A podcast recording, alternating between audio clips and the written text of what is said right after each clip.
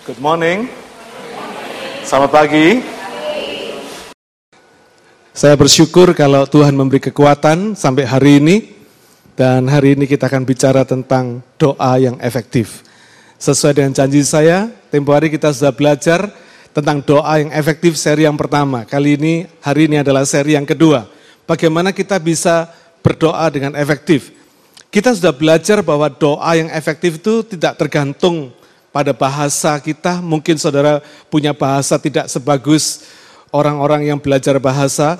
Tidak tergantung dengan cara doa kita, mungkin tidak selalu harus tutup mata, lipat tangan berdoa. Mungkin juga tidak masuk kamar tersendiri berdoa, tidak tergantung dengan tempatnya, tempat kita berdoa, tidak tergantung dengan siapa kita berdoa. Ada yang berkata kalau doa sama pendeta lebih afdol, katanya saudara, lebih didengar Tuhan. Enggak, doa tidak tergantung dengan bahasa kita, tidak tergantung dengan cara kita berdoa, tidak tergantung dengan tempat dan dengan siapa kita berdoa. Tapi doa itu ter, tidak terpisah dari sikap dan karakter rohani kita sehari-hari. Ingat ya? Masih masih ingat pelajaran saya tentang doa ini pada sebelum saya berangkat ke Indonesia. Jadi doa itu tergantung pada sikap dan karakter kita sehari-hari. Ya.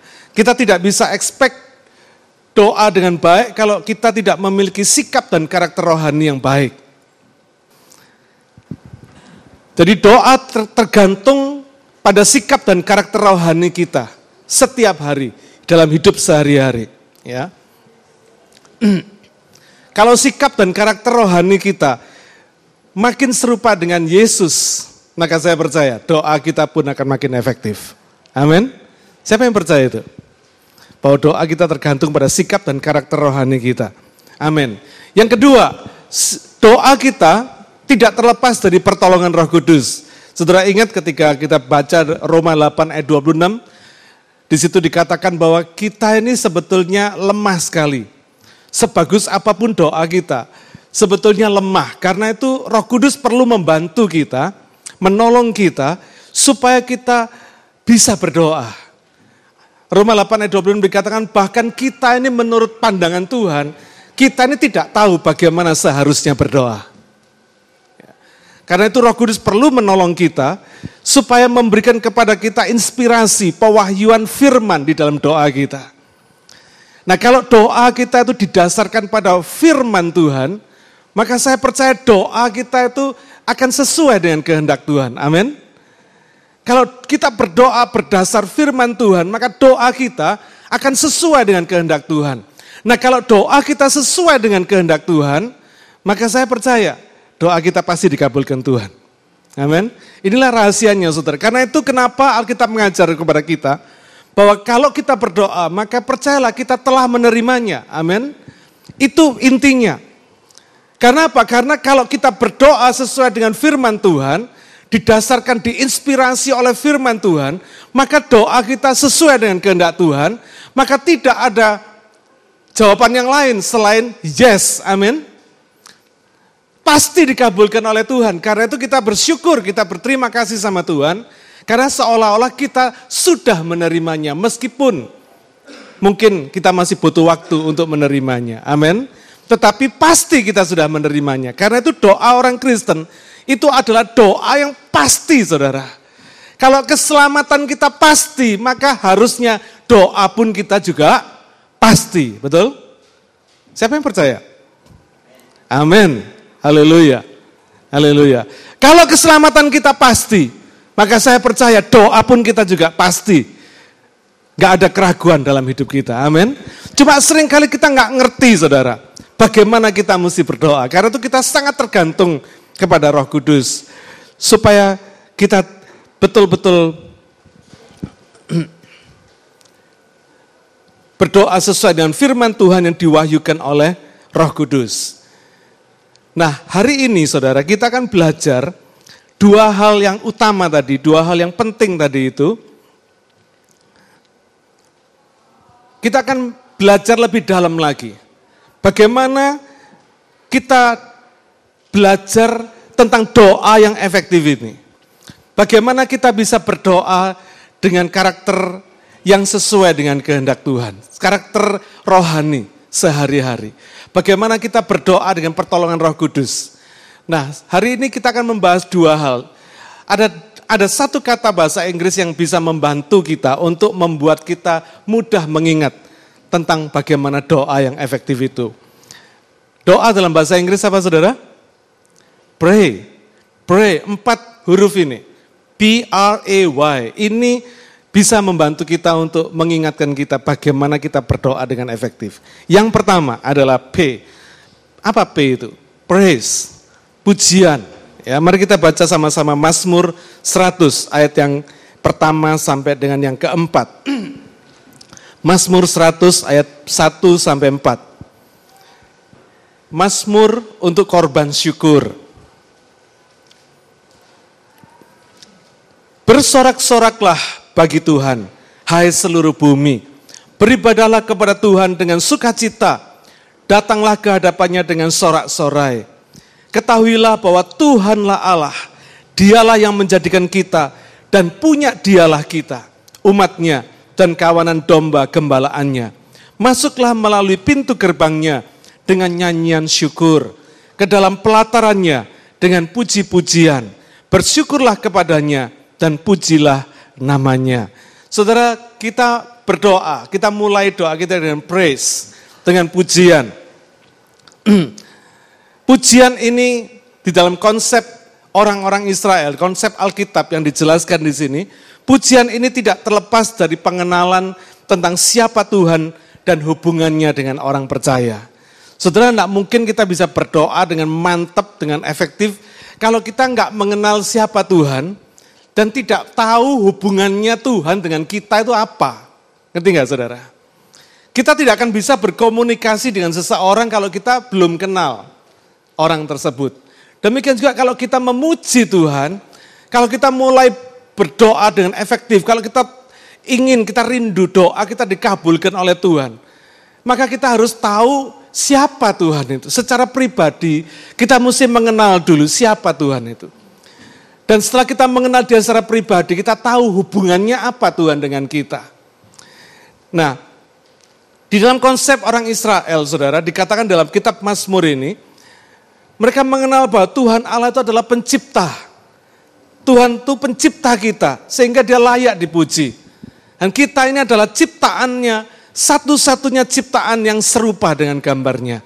Satu-satunya ciptaan yang paling mulia, yang paling indah, yang paling mirip sama Tuhan. Amin. Malaikat meskipun dia luar biasa, tapi malaikat itu nggak mirip sama Tuhan, saudara. Malaikat itu tidak diciptakan sesuai dengan gambar dan rupa Tuhan. Memang malaikat itu suatu ciptaan yang agung, yang luar biasa, yang suci, yang baik. Tetapi malaikat tidak serupa dengan gambar Tuhan. Kita manusia ini adalah ciptaan yang sesuai dengan rupa dan gambar Tuhan. Hebat nggak saudara? Saya pernah berpikir, kenapa Tuhan tuh mempercayai kita sih? Untuk melakukan pekerjaan Tuhan di dunia ini, kenapa Tuhan tuh mempercayai kita? Kenapa Tuhan nggak pakai malaikat saja? Saya percaya pasti lebih efektif daripada Tuhan pakai kita, betul nggak saudara? Dalam melakukan penginjilan, di dalam melakukan pelayanan, saya pikir malaikat pasti lebih efektif dari kita. Tapi luar biasa saudara, Tuhan nggak pakai malaikat untuk melayani, untuk mengabarkan Injil. Tuhan berikan amanat agung bukan kepada malaikat. Andai kata Tuhan memberikan amanat agung kepada malaikat, saya percaya dunia ini sebentar jadi Injili, sebentar bertobat, saudara. Bisa bayangkan kalau tiba-tiba ada malaikat datang di dalam sekumpulan saudara sepupu kita misalnya. Tiba-tiba malaikat turun di situ tinggi besar dengan wajah yang berkilau, dengan sayap yang lebar terbentang lalu berkata, "Hai, bertobatlah, percaya Yesus, saya percaya percaya Yesus semua saudara. Betul? Logikanya begitu. Dan di dalam kesempatan-kesempatan, di dalam waktu pun malaikat itu tidak ter, terbatas dengan waktu. Dia bisa terbang hari ini ke sini, dia dengan seketika bisa sampai di Amerika, seketika pun bisa sampai ke Eropa, di mana-mana dia bisa seketika ada di mana-mana. Karena dia sifatnya roh, saudara. Dan kalau orang dilayani oleh malaikat, saya percaya pasti bertobat. Pasti percaya. Gak usah repot-repot. Begitu malaikat bicara, pasti orang itu gemeteran, saudara. Begitu malaikat hadir di tengah-tengah mereka, mereka pasti gemeteran. Dan apa yang dikatakan malaikat, mereka pasti akan percaya. Amin. Tetapi pertanyaannya, kenapa amanat agung tidak diberikan kepada malaikat? Tapi amanat agung diberikan kepada kita. Manusia ini yang banyak cacat celah, yang banyak kekurangannya ini saudara. Jawabannya sederhana.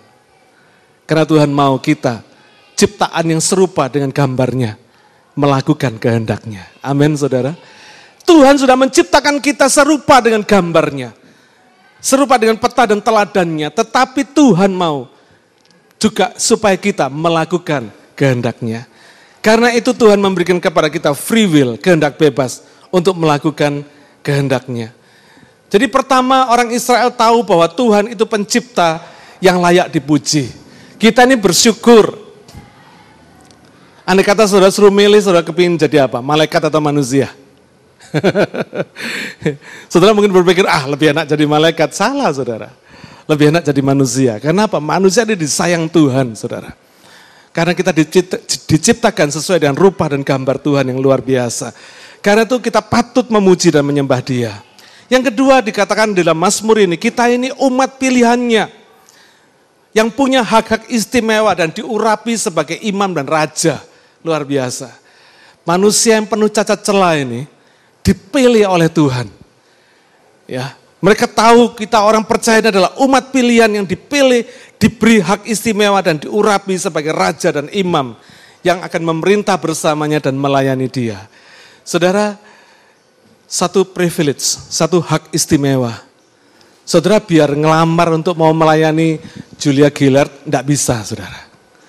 Biar saudara punya punya qualification yang hebat luar biasa pun saudara apply untuk bisa melayani Julia Gillard belum tentu keterima. Betul nggak saudara? Apalagi kita boleh melayani Tuhan, Raja segala Raja. Allah pencipta alam semesta. Ini satu kehormatan yang luar biasa. Dahsyat, saudara. Manusia yang penuh dengan cacat celah, penuh dengan kekurangan, boleh melayani Allah, Raja segala Raja. Boleh melayani dia dan boleh menyebut dia Bapak. Wah, luar biasa. Coba saudara ketemu sama Julia Gillard, lalu saudara berkata, ih dia mama saya. Lalu Julia Gillard bilang begini, siapa mamamu? Aku bukan mamamu, katanya saudara. Tapi kita bisa menyebut raja segala raja ini bapak. Dan dia tidak malu dipanggil bapak oleh kita yang penuh kekurangan ini. Yang masih males-malesan, yang masih sering bohong, yang masih suka melakukan hal-hal yang tidak berkenan di hadapan Tuhan, betul? Dia tidak malu disebut bapak oleh orang seperti kita, saudara. Coba kalau saudara dipanggil papa sama anak-anak, misalnya orang-orang yang dia terkenal menjadi pencuri atau mungkin penjahat, saudara kan malu, betul nggak saudara? Tapi bapak kita di sorga enggak. Dia enggak malu dipanggil kita bapak. Meskipun kita banyak kekurangannya, amin. Dia tidak malu dipanggil kita bapak. Karena kita ini umat pilihannya, maka kita mesti bersyukur. Kita berterima kasih kepada Tuhan. Kita patut memujinya. Yang ketiga kita ini adalah domba-dombanya. Saudara luar biasa. Dan Allah memposisikan diri sebagai gembala. Bukan domba yang melayani gembala. Gembala yang melayani domba. Dia menjaga, memelihara, membawa domba-domba ini ke rumput hijau dan air yang tenang. Dia melindungi, memimpin kita dan menjauhkan kita dari segala yang jahat. Karena itu dia patut dipuji. Amin. Jadi ketika saudara berdoa, tidak boleh lupa siapa dia ini. Amin saudara. Ini konsep yang sangat penting. Kalau saudara belum mengenal Tuhan secara pribadi, hari ini belum terlambat saudara mengenal dia secara pribadi. Amin. Tuhan itu selalu mereveal, menyatakan dirinya. Ya. Dia ingin supaya kita memiliki hubungan, bukan seperti orang dunia yang menyembah Allah-Allah dunia. Tapi dia ingin kita itu memiliki hubungan seperti anak dengan bapaknya. Dengan anak dengan orang tuanya. Itu keinginan Tuhan. Karena itu hari ini kalau ada di antara saudara yang masih belum memiliki hubungan pribadi dengan Tuhan, tidak terlambat. Saudara bisa belajar mengenal Tuhan melalui firman-Nya. Ketika saudara buka hati dan percaya kepada Tuhan, secara sederhana Tuhan mau masuk dalam hati saudara. Dia tidak lihat siapa kita. Ada orang yang berkata begini, saya ini nggak cukup suci Pak buat datang sama Tuhan. Justru orang yang tidak suci datang sama Tuhan disucikan. Amin. Ketika kita merasa belum benar, datang sama Tuhan, dibenarkan Tuhan. Karena kita tuh diberi anugerah oleh Tuhan. Tuhan memilih kita bukan karena kita baik, tapi karena dia baik. Bukan karena kita sudah suci, tapi karena dia ingin menyucikan kita. Ciptaannya ini, ciptaan yang paling mulia ini. Karena itu patutlah kita memuji Tuhan. Oh, thank you Grace. Thank you very much.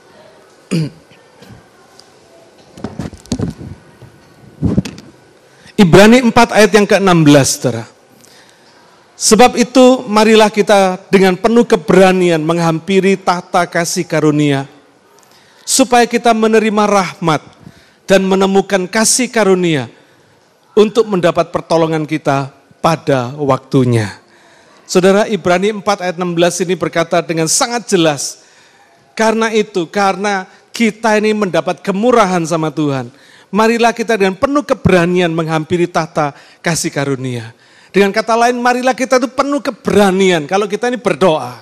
Kalau kita ini datang kepada Tuhan, datang kepada hadirat Tuhan, kita harus punya PD. Bukan karena kita baik, saudara, ingat-ingat ini, bukan karena kita baik, tetapi karena Tuhan baik.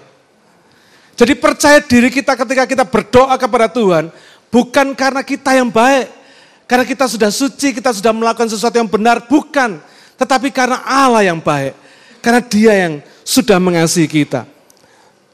Pengenalan tentang siapa Tuhan dan hubungannya dengan kita ini membuat kita punya keberanian menghampiri tahta karunia.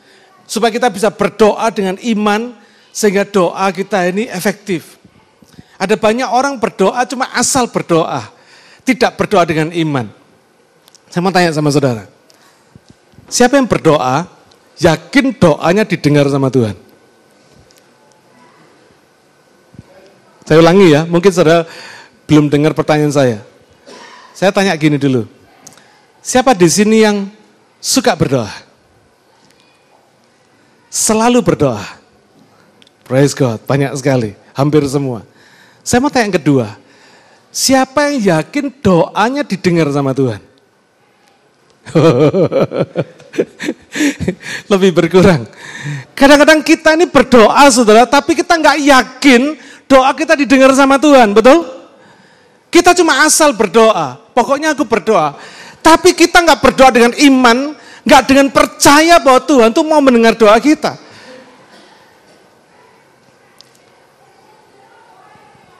Seringkali kita meragukan doa kita karena kita belum melihat pertolongan. Saudara, Alkitab berkata, supaya kita mendapat pertolongan pada waktunya, saudara. Pertolongan datang nggak datang itu tidak ada hubungannya dengan doa kita didengar atau tidak didengar Tuhan. Amin. Kita harus tahu bahwa ketika pertolongan itu datang maka waktunya sudah tiba. Tapi ketika pertolongan belum datang itu tandanya waktunya belum tiba. Karena itu kita mesti berdoa dengan iman, doa dengan percaya bahwa kita itu didengar doa kita oleh Tuhan.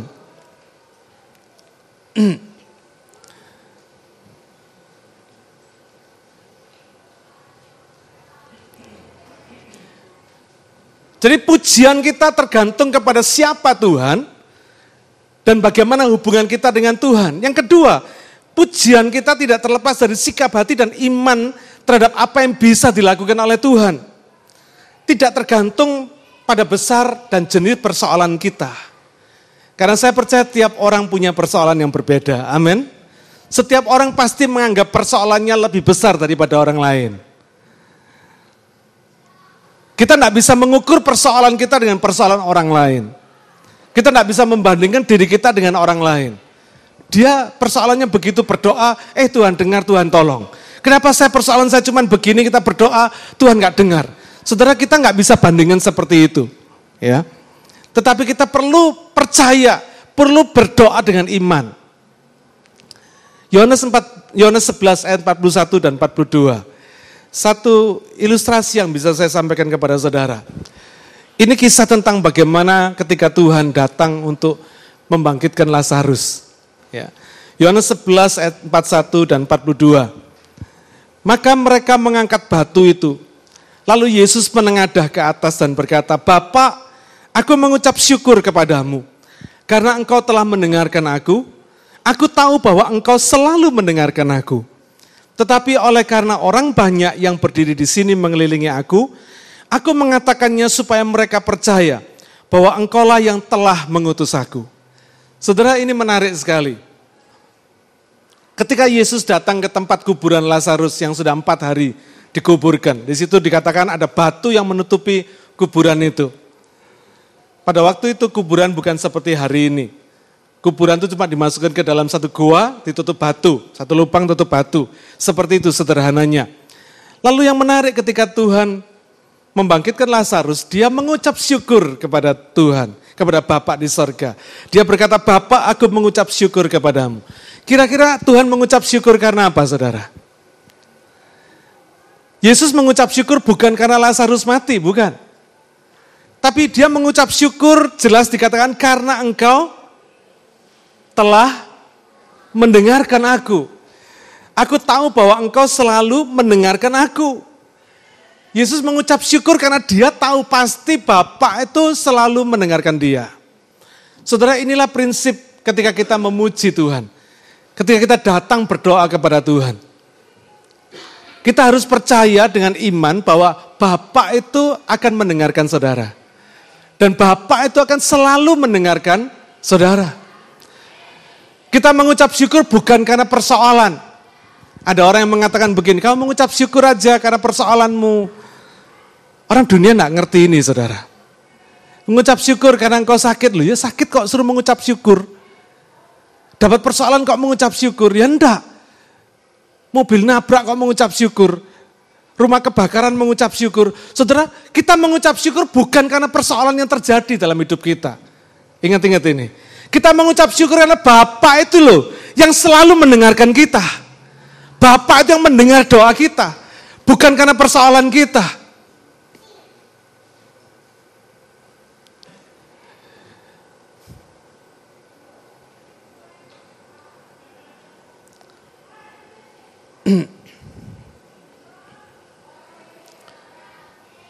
Inilah sikap hati dan sikap iman kepada apa yang bisa Bapak lakukan. Ini penting saudara. Kalau tadi yang pertama kita memuji Tuhan karena kita tahu siapa dia. Kita mengenal Tuhan, mengenal Bapak secara pribadi. Kita tahu hubungan kita dengan Bapak sebagai anak dan orang tua kita, Bapak kita. Yang kedua ini kita tahu akan apa yang bisa dia lakukan.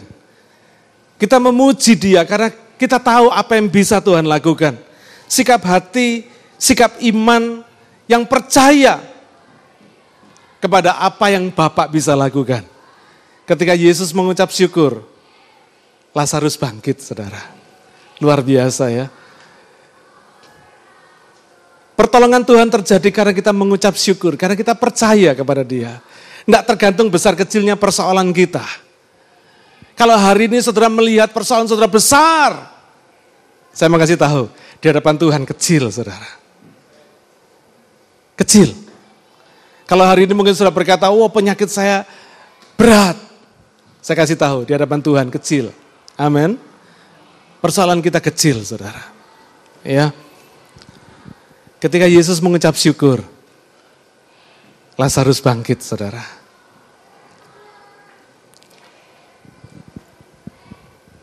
Kenapa banyak orang Kristen gak yakin kalau doanya didengar oleh Tuhan? Karena di dalam hatinya dia tahu, dia gak sungguh-sungguh sama Tuhan. Betul gak saudara? Ada kekhawatiran di dalam hatinya. Karena apa? Sadar dia gak sungguh-sungguh sama Tuhan. Karena itu hari ini belum terlambat. Supaya kita sungguh-sungguh sama Tuhan. Amin. Seringkali ketika kita menghadapi persoalan, kita ngomelnya lebih banyak daripada mengucap syukurnya. Kita ngomelnya dan bersungut-sungutnya lebih besar daripada memuji dia. Daripada datang kepada dia. Saudara ngomel, dan bersungut-sungut, itu akan bikin persoalan tambah besar. Tetapi ketika kita memuji Tuhan, ketika kita berkata, oh Tuhan, kau Allah yang luar biasa. Aku bangga punya Bapak seperti engkau. Engkau besar Tuhan. Ketika, ketika saudara berkata, engkau besar Tuhan. Maka saudara akan melihat persoalan saudara jadi kecil. Amin.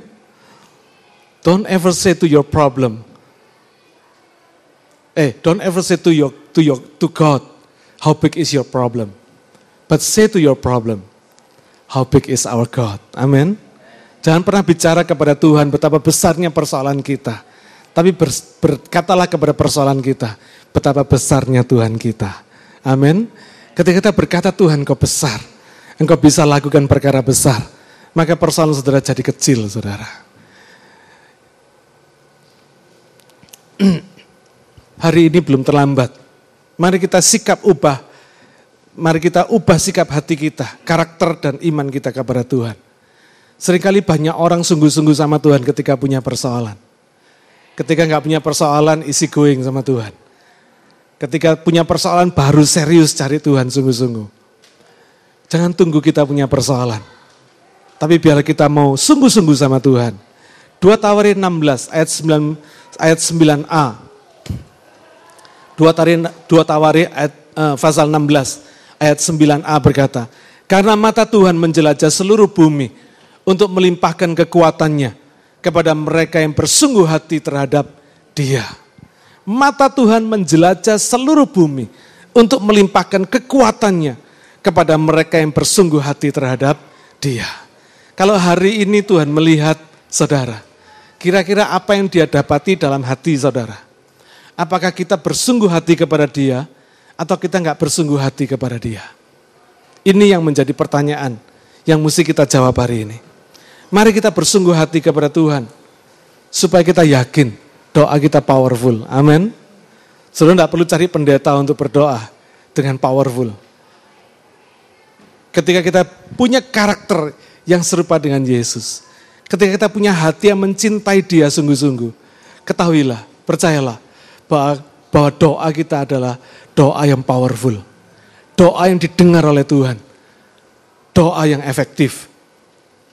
Mungkin hari ini cinta saudara sudah mati.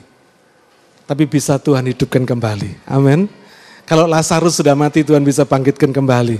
Kalau hari ini ada yang sudah mati, mungkin ada suami istri yang punya cinta satu sama lain, sudah mati, bisa dihidupkan kembali. Amin.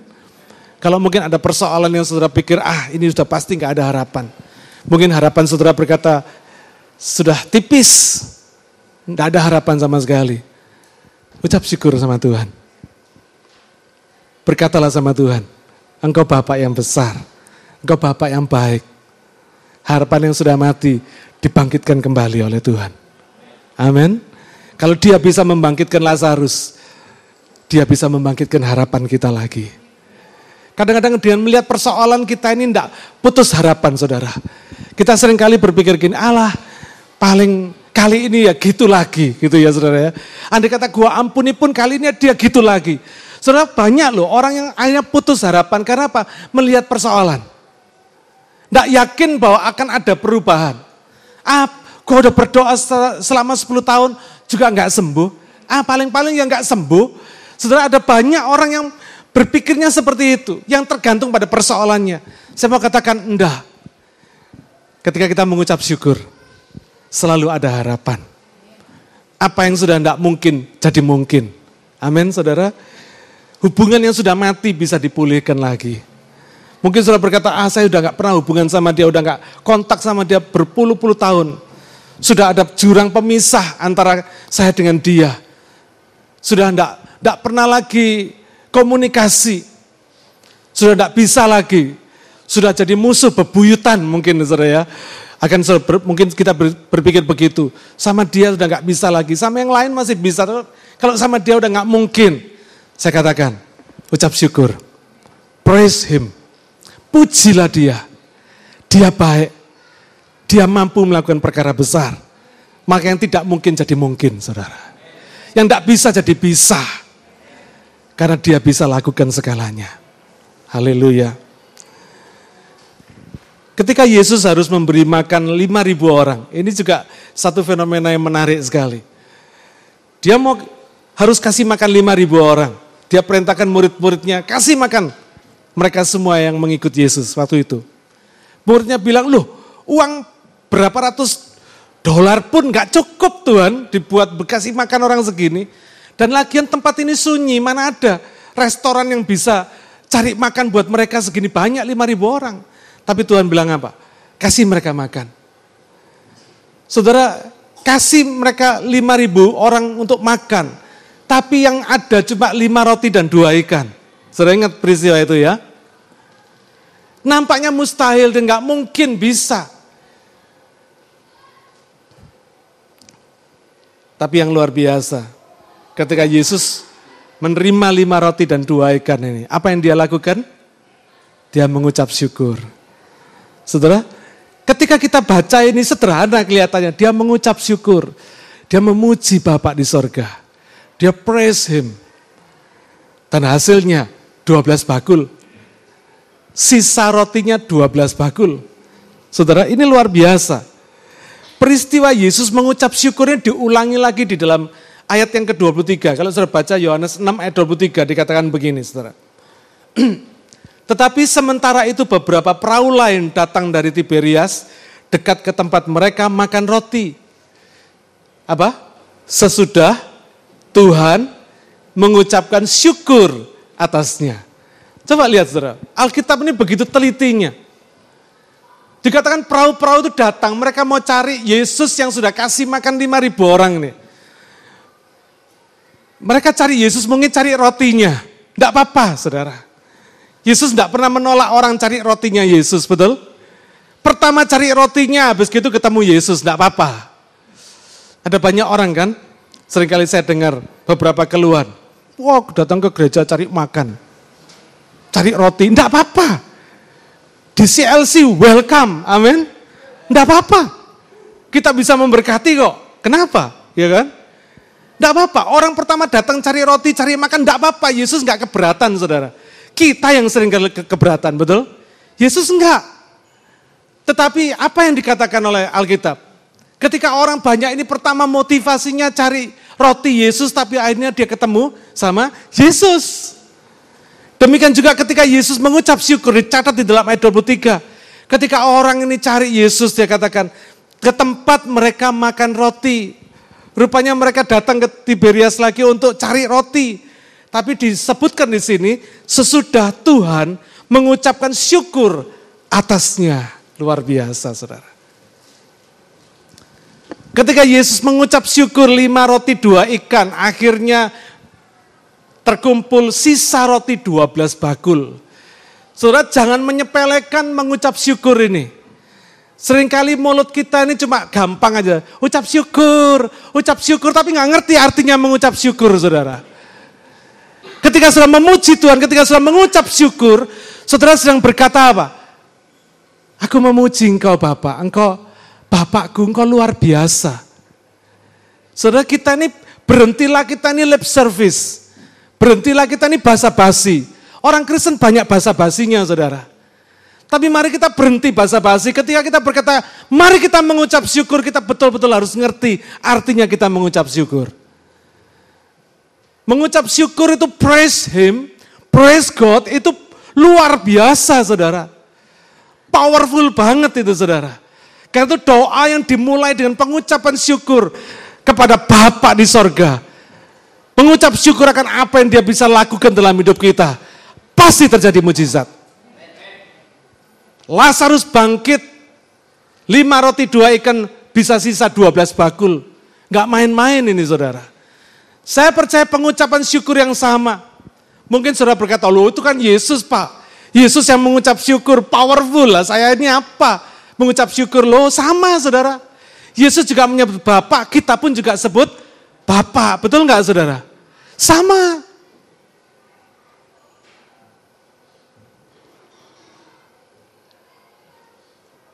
Ketika kita tidak lip service, ketika kita nggak basa-basi sama Tuhan, Powerful saudara.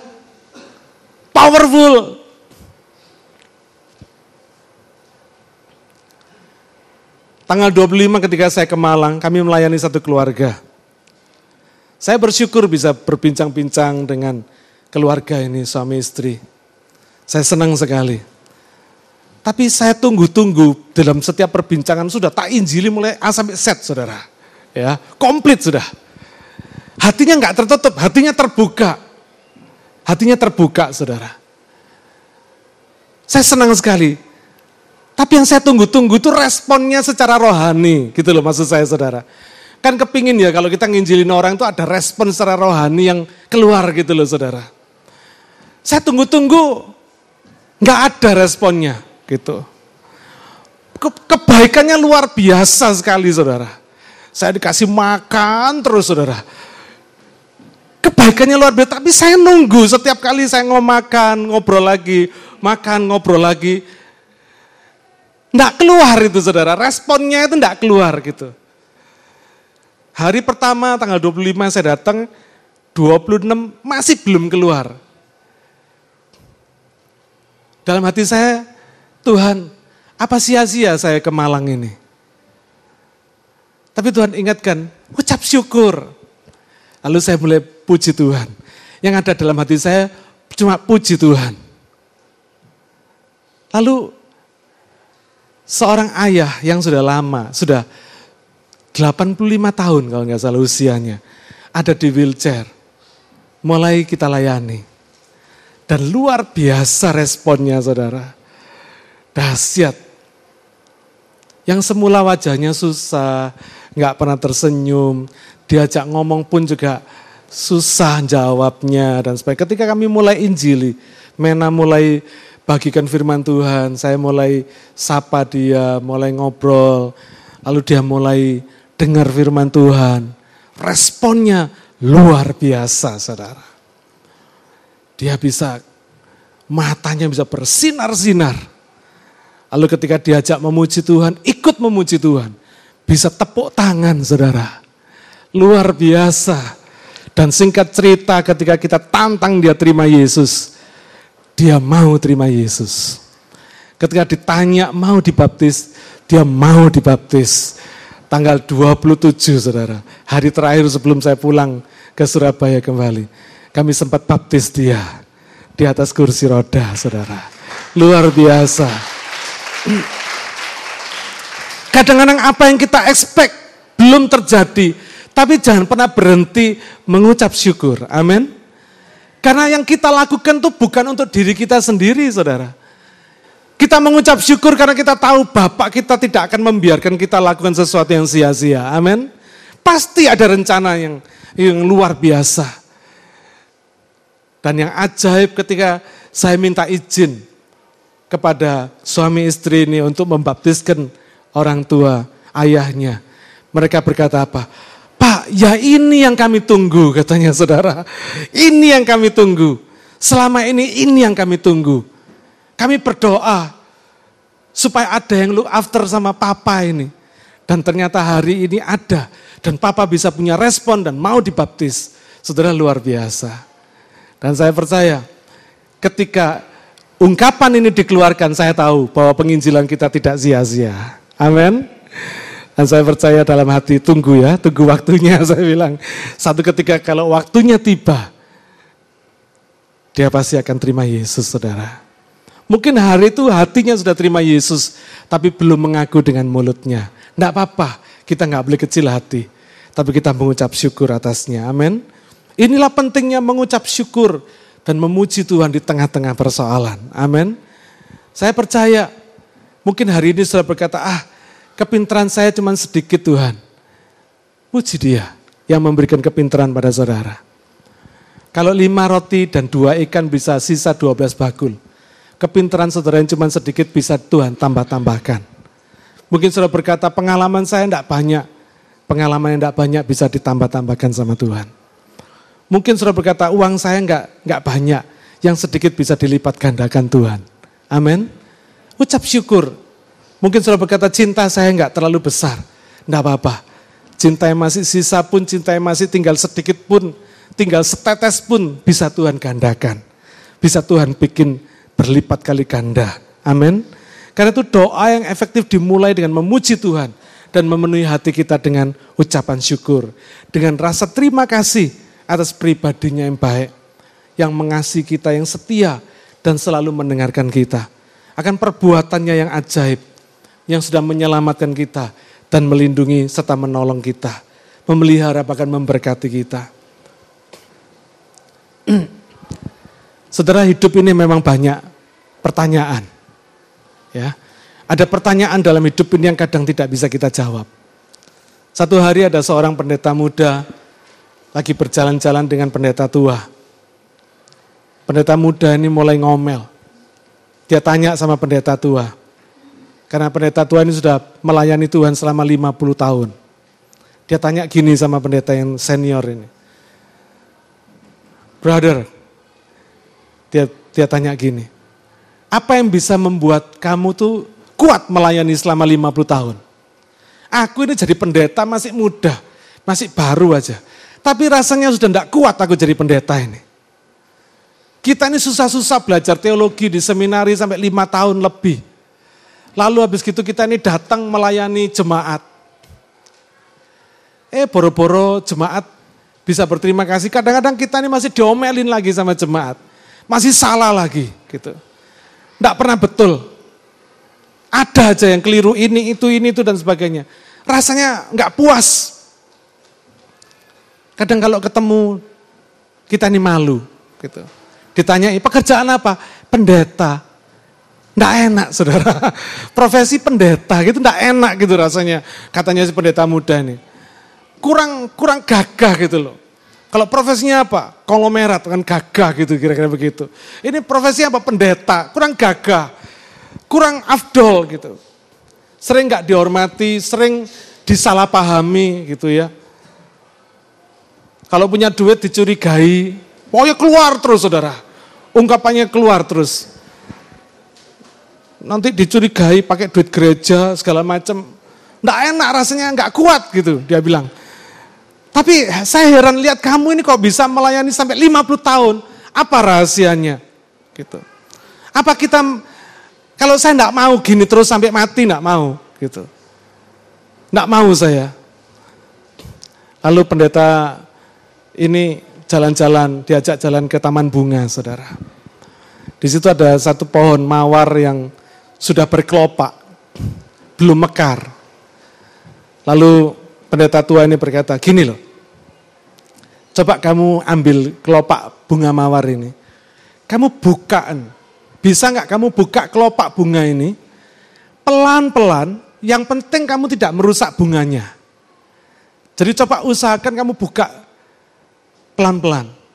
Pendeta muda ini coba ambil kelopak bunga, dibuka, coba dibuka satu-satu, berusaha sebaik mungkin, tapi akhirnya rusak juga, saudara. Ya, rusak juga. Sampai beberapa kali dia mencoba, dia masih tetap tidak berhasil. Dia bilang, Pak Pendeta, aku enggak berhasil, rusak terus nih bunga. Ya udah nggak apa-apa, yuk kita pulang. Besok paginya diajak jalan-jalan lagi, saudara. Ke tempat yang sama. Ke pohon yang sama. Ternyata kelopak bunga yang kemarin masih belum mekar, hari ini sudah mekar, saudara. Sudah mekar dengan indah. Lalu pendeta tua ini ngomong gini sama yang muda. Kamu lihat ini ya. Kemarin kamu coba buka kelopak bunga ini dengan usaha dengan seteliti mungkin sebaik mungkin hasilnya apa? Bunganya rusak. Ya toh? Tapi coba lihat tangan Tuhan. Meskipun butuh cuma semalam, tangan Tuhan membuka bunga ini sendiri. Sampai sekarang bunga mawarnya begitu indah. Tidak ada yang rusak.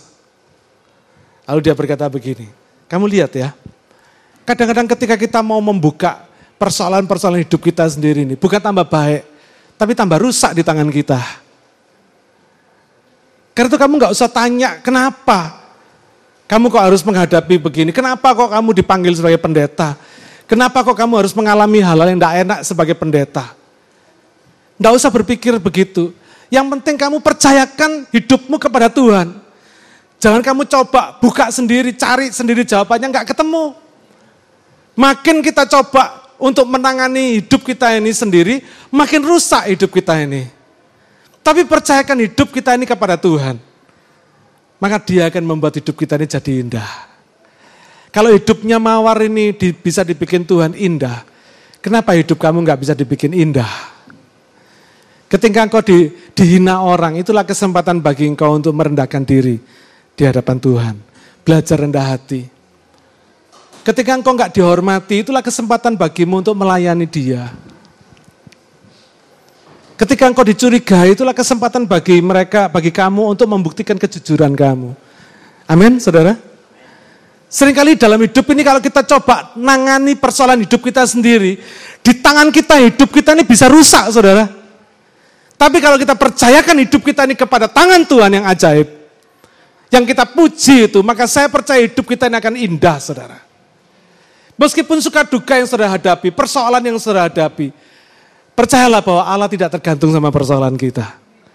Dia adalah Allah. Dia tetap Allah.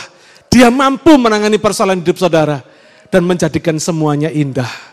Jangan coba-coba menangani persoalan saudara sendiri. Pasti rusak di tangan kita, saudara. Hidup ini akan rusak di tangan kita. Tapi hidup ini akan luar biasa indah di tangan Tuhan. Percayakan hidup kita ini kepada Tuhan. Amin. Haleluya. Praise God. Karena itu percayakan hidup kita kepada Tuhan. Hari ini belajarlah kita sabar Tuhan perlu waktu, amin. Untuk membuka kelopak bunga itu, Tuhan butuh waktu satu malam. Untuk membuka kehidupan saudara supaya indah, mungkin Tuhan butuh waktu bertahun-tahun saudara. Yang penting kita percaya, kita puji dia. Dia tidak pernah salah, amin. Dia tidak pernah salah. Nah hari ini pertanyaan kita, apa yang lebih memenuhi hati dan pikiran kita waktu kita berdoa? Seringkali waktu kita berdoa yang ada dalam pikiran kita adalah persoalan kita, betul nggak saudara? Keliru saudara. Waktu kita berdoa, nomor satu, pujilah dia. Praise him. Amin. P yang pertama, praise him. Kalau dalam istilah komputer, password kita itu adalah thank you atau praise saja saudara. ya. Password kita ketika kita berdoa, kita buka dengan apa? Thank you Tuhan. Praise him. Pujilah dia. Yang kedua, repent. R, pray.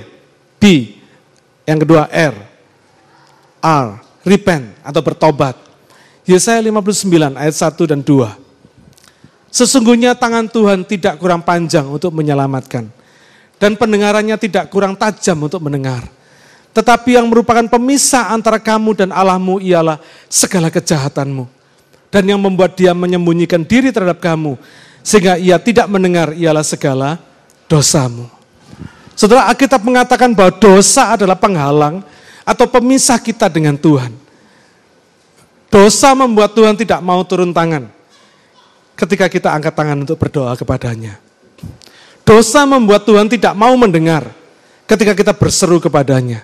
Sehingga tidak heran doa kita tidak efektif. Dosa membuat Tuhan menyembunyikan diri dari kita sehingga dia tidak bisa ditemui ketika kita berdoa. Karena itu pertobatan dimulai dengan memeriksa hati, pikiran, dan perbuatan kita di hadapan Tuhan. Supaya kita dapat melihat apa saja dosa dan penghalang kita. Saudara pertobatan ini penting. apa penghalang yang ada di antara kita dengan Tuhan? Apa penghalang yang ada di antara kita dengan orang lain? Kalau ada penghalang di antara kita dengan Tuhan, kita selesaikan. Kita mesti berdamai dengan Tuhan. Amin. Kalau ada penghalang antara kita dengan orang lain, kita juga perlu berdamai dengan orang lain. Kita selesaikan. Mungkin ada juga penghalang antara kita dengan diri kita sendiri. Kita perlu berdamai dengan diri kita sendiri. Ada orang yang tidak puas sama dirinya sendiri.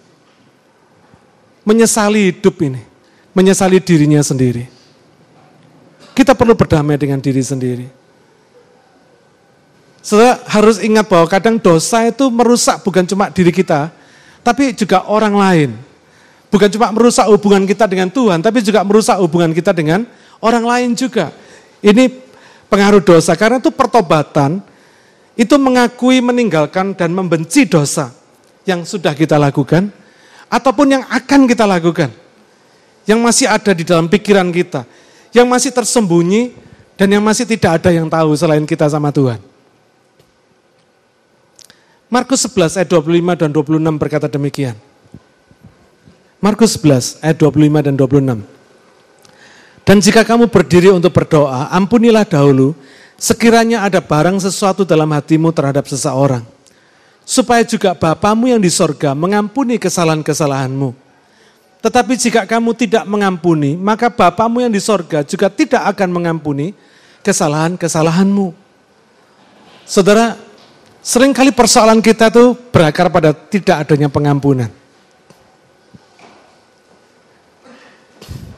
Tetapi apa pun penyebabnya, mungkin kita berdosa akibat kesalahan orang lain. Orang lain menyakiti kita, maka kita membenci dia.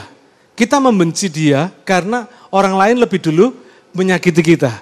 Jadi kadang-kadang kita ini berdosa, kita ini bersalah karena ada orang lain yang menyebabkan kesalahan kita.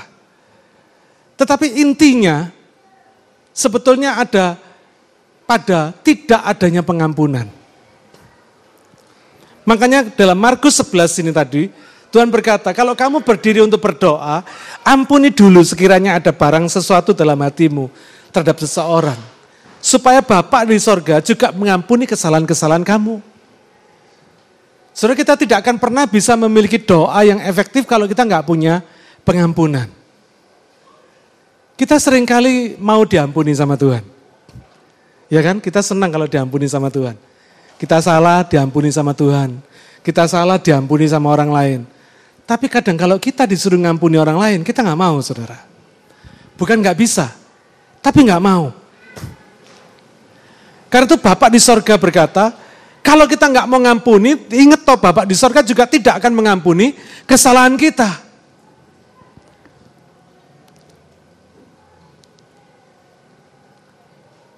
Karena pengampunan itu sangat penting. Apa pun penyebabnya, dosa itu berakibat fatal pada hubungan kita dengan Tuhan. Menahan pengampunan, mengikat kesalahan orang lain, itu akan membuat Tuhan juga mengikat kesalahan kita. Dan tidak akan mengampuni dosa kita. Matius 16 ayat 19 berkata demikian. Kepadamu akan kuberikan kunci kerajaan sorga. Apa yang kau ikat di dunia ini akan terikat di sorga. Dan apa yang kau lepaskan di dunia ini akan terlepas di sorga. Saudara, di sini kelihatan bahwa apa yang kita lakukan di bumi ini punya dampak di sorga. Jangan saudara berpikir dengan apa yang saudara lakukan di bumi ini tidak ada dampaknya di sorga. Ada saudara. Kita berkata apa yang kau ikat di sini, di bumi ini, akan terikat di sorga. Dan apa yang kau lepaskan di bumi ini, akan terlepas di sorga. Jadi karena itu tujuan pertobatan kita sebetulnya apa? Memulihkan hubungan kita dengan Tuhan. Memulihkan hubungan kita dengan orang lain. Dan memulihkan hubungan kita dengan diri kita sendiri. Satu Yohanes 1 ayat 9. Jika kita mengaku dosa kita, maka ia adalah setia dan adil. Sehingga ia akan mengampuni segala dosa kita dan menyucikan kita dari segala kejahatan. Saudara pertobatan itu simple, sederhana banget. Yang pertama, didasarkan pada pengakuan dosa kita. Saudara, tidak mudah manusia itu mengakui kesalahan. Kadang-kadang sudah jelas-jelas salah masih nggak mau ngaku salah loh saudara. Pernah nggak saudara ketemu sama orang yang kokoh seperti itu? Kepala batu. Jelas salah. Tapi nggak mau ngaku salah. Saudara, sering kali kan kita ini puas gitu ya, lega gitu ya. Kalau misalnya orang salah, ngaku salah itu lega gitu ya. Ya udahlah, salah mau diapain. Tapi yang bikin kita kegi, yang bikin kita nggak terima itu kalau dia salah nggak ngaku, ngaku salah, saudara. Bahkan kata yang salah ini bisa lebih marah kepada kita dari kepada yang tidak salah. Pernah nggak sering ngalami itu? Saya lihat senyuman dan tawa di di gigi saudara Nampaknya saudara sering ngalami seperti ini ya. Yang salah itu bisa lebih marah kepada yang tidak salah saudara. Itu yang bikin kita mbokam guan, betul nggak saudara? Keselnya tuh minta ampun, karena apa kalau salah, ngaku salah kita masih oke okay lah. Ya sudahlah, salah ya sudah salah, selesai gitu saudara. Yang bikin kita keki, yang bikin kita terus nggak bisa terima itu kalau kita ini, kalau dia salah nggak mau ngaku salah, bahkan bisa nyalakan kita balik, saudara.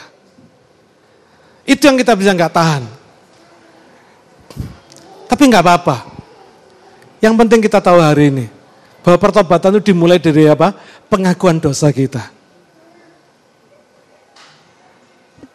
Satu Yohanes 1 ayat 9 tadi dikatakan, jika kita mengaku dosa kita, ini kuncinya. Kalau sudah nggak ngaku dosa, percuma bertobat. Karena kita nggak merasa salah. Saudara orang yang tidak pernah merasa salah, tidak akan pernah betul, saudara. Mulai dengan pengakuan dosa kita. Lalu kita lihat di sini bahwa kesetiaan dan kebaikan hati Tuhan. Pertobatan kita didasarkan bukan bukan pada kesetiaan kita, bukan pada kebaikan kita, tapi pada kesetiaan dan kebaikan Tuhan. Kita bisa aja hari ini kita ngaku salah, besok melakukan dosa lagi, bisa kan? Dosa yang sama, bisa kan? Karena itu kalau kita mengandalkan pada kesetiaan dan kebaikan kita percuma. Bisa-bisa besok salah lagi. Tapi puji Tuhan, pertobatan kita bukan didasarkan pada kesetiaan kita. Tapi pada kesetiaan Tuhan dan kebaikan Tuhan. Tapi pengakuan harus keluar dari kita. Ya. Yang ketiga, pertobatan kita didasarkan pada janji Tuhan. Janji Tuhan yang apa? Pasti mengampuni dosa dan menyucikan kita dari segala kejahatan. Kadang kita nggak yakin Tuhan tuh ngampuni dosa kita. Karena kita berpikir dosa kita terlalu banyak, terlalu besar, terlalu banyak. Mana mungkin Tuhan mau mengampuni saya? Kadang itu yang ada dalam keraguan hati kita. Tapi percaya firman Tuhan yang berkata apa? Tuhan tuh pasti mengampuni dosa-dosa kita dan menyucikan kita dari segala kejahatan. Saudara inilah Tuhan dia mati di kayu salib 2000 tahun yang lalu. Sebelum saudara ada dan sebelum saudara berbuat dosa, dia sudah mati. Dia sudah menyediakan dirinya untuk mengampuni dosa kita. Dari awal hidup kita sampai akhir hidup kita. Tuhan sudah siapkan porsi pengampunan dosa untuk saudara dan saya. Mulai dari lahir sampai mati. Karena itu jangan pernah ragukan kesetiaan dan kebaikan Tuhan. Kalau hari ini kita tahu salah, kita datang sama Tuhan. Kita ngaku salah, kita ngaku dosa. Amin. Tuhan pasti mengampuni kita. Dan Tuhan menyucikan kita dari segala kejahatan. Jadi pertobatan kita, pengampunan kita bukan didasarkan pada perasaan atau emosi kita. Bukan terus habis kita berdoa minta ampun sama Tuhan terus kita tanya, kita rasakan dulu. Perasaan kita gimana? Lega, Oh, kalau sudah lega, berarti sudah diampuni Tuhan. Saudara maling nggak ketemu juga lega, saudara. Iya kan? Tidak boleh didasarkan pada emosi atau perasaan kita. Tapi didasarkan pada janji Tuhan. Kalau dia berkata mengampuni, dia pasti mengampuni. Roma 5 8 berkata dia mati di kayu salib sementara kita masih berdosa. Dia sudah menyediakan porsi pengampunan buat setiap dosa kita tidak peduli besar kecilnya kita. Dia akan ampuni kita.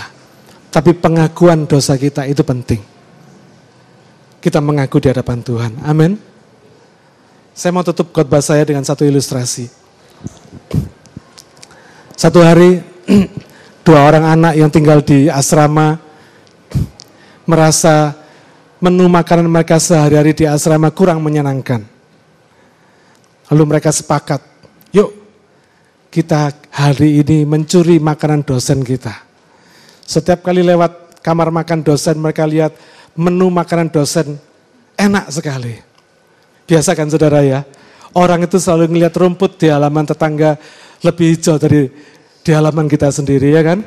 Kita kadang nggak puas dengan apa yang disediakan Tuhan bagi hidup kita. Lalu seorang anak, dua anak ini berkata, oke, okay, kalau gitu kita mesti kerjasama supaya pencurian kita sukses. Dia bilang, kamu yang curi ke dalam, aku yang jaga di pintu. Kalau ada dosen, aku kasih kamu kode. Dan kamu pura-pura sibuk di dalam bersain apa dan sebagainya. Tapi kalau tidak ada kode, kamu tetap bisa curi, kamu bisa ambil. Nah, si anak yang disuruh jaga di muka pintu, rupanya kebelet kencing, saudara. Ditinggal ke toilet. Dia pikir ah toiletnya kan deket. Dia pergi ke toilet. Sementara dia ke toilet, ada dosen yang masuk kamar makan, saudara. Nah dikira temannya karena dia membelakangi pintu, temennya yang masuk, saudara. Dia dengar suara sepatu masuk ruangan, temennya ngomong, kamu disuruh jaga di pintu kok masuk ruangan? Katanya gitu, saudara. Lalu tiba-tiba terdengar suara, jangan dihabiskan semua, sisakan sedikit buat saya. Kuaget dia, saudara. Dia sadar itu bukan suara temennya. Dia balik badan, dia lihat dosennya, saudara. Dia kaget, dia menyesal, dia malu setengah mati, saudara. Tapi dia tidak bisa berbuat apa-apa. Di tangannya sudah ada piring penuh dengan makanan, saudara. Hasil pencurian dia. Yang tidak sukses siang itu, saudara. Lalu dia tidak bisa ngomong apa-apa. Lalu dosen ini berkata begini, sisakan sedikit buat saya. Mari kita makan sama-sama. Makan siang saya akan lebih nikmat bersama kamu. Kalau saudara jadi pencuri makanan ini dikatakan begitu, saudara rasanya gimana? isu gitu saudara ya. Ketahuan nyolong loh saudara, ketangkap basah, nyuri.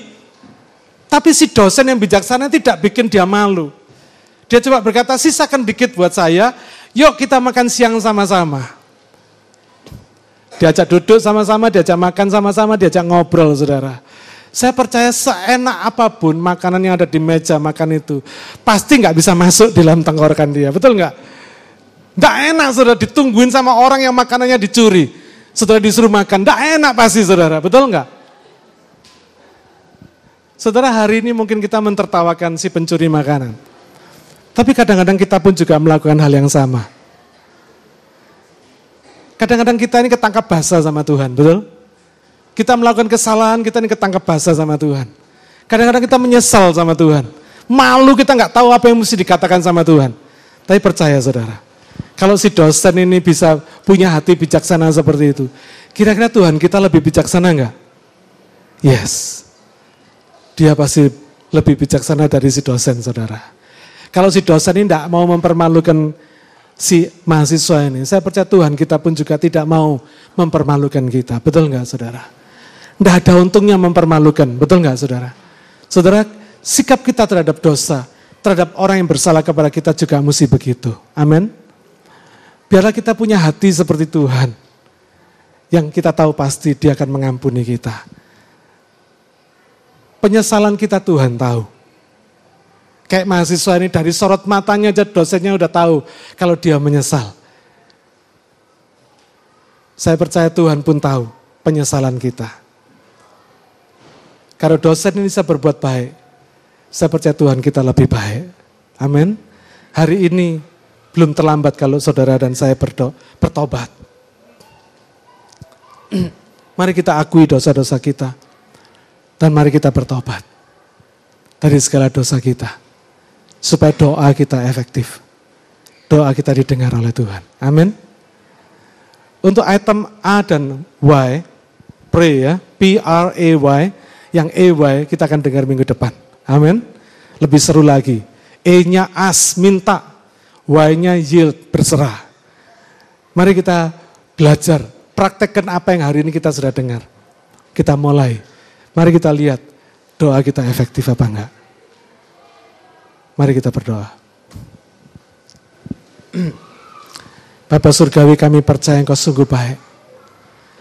Kami tahu siapa Engkau, Bapak kami di sorga. Kami tahu siapa Engkau yang sudah menyelamatkan kami. Engkau Tuhan yang kami kenal dalam Yesus Kristus.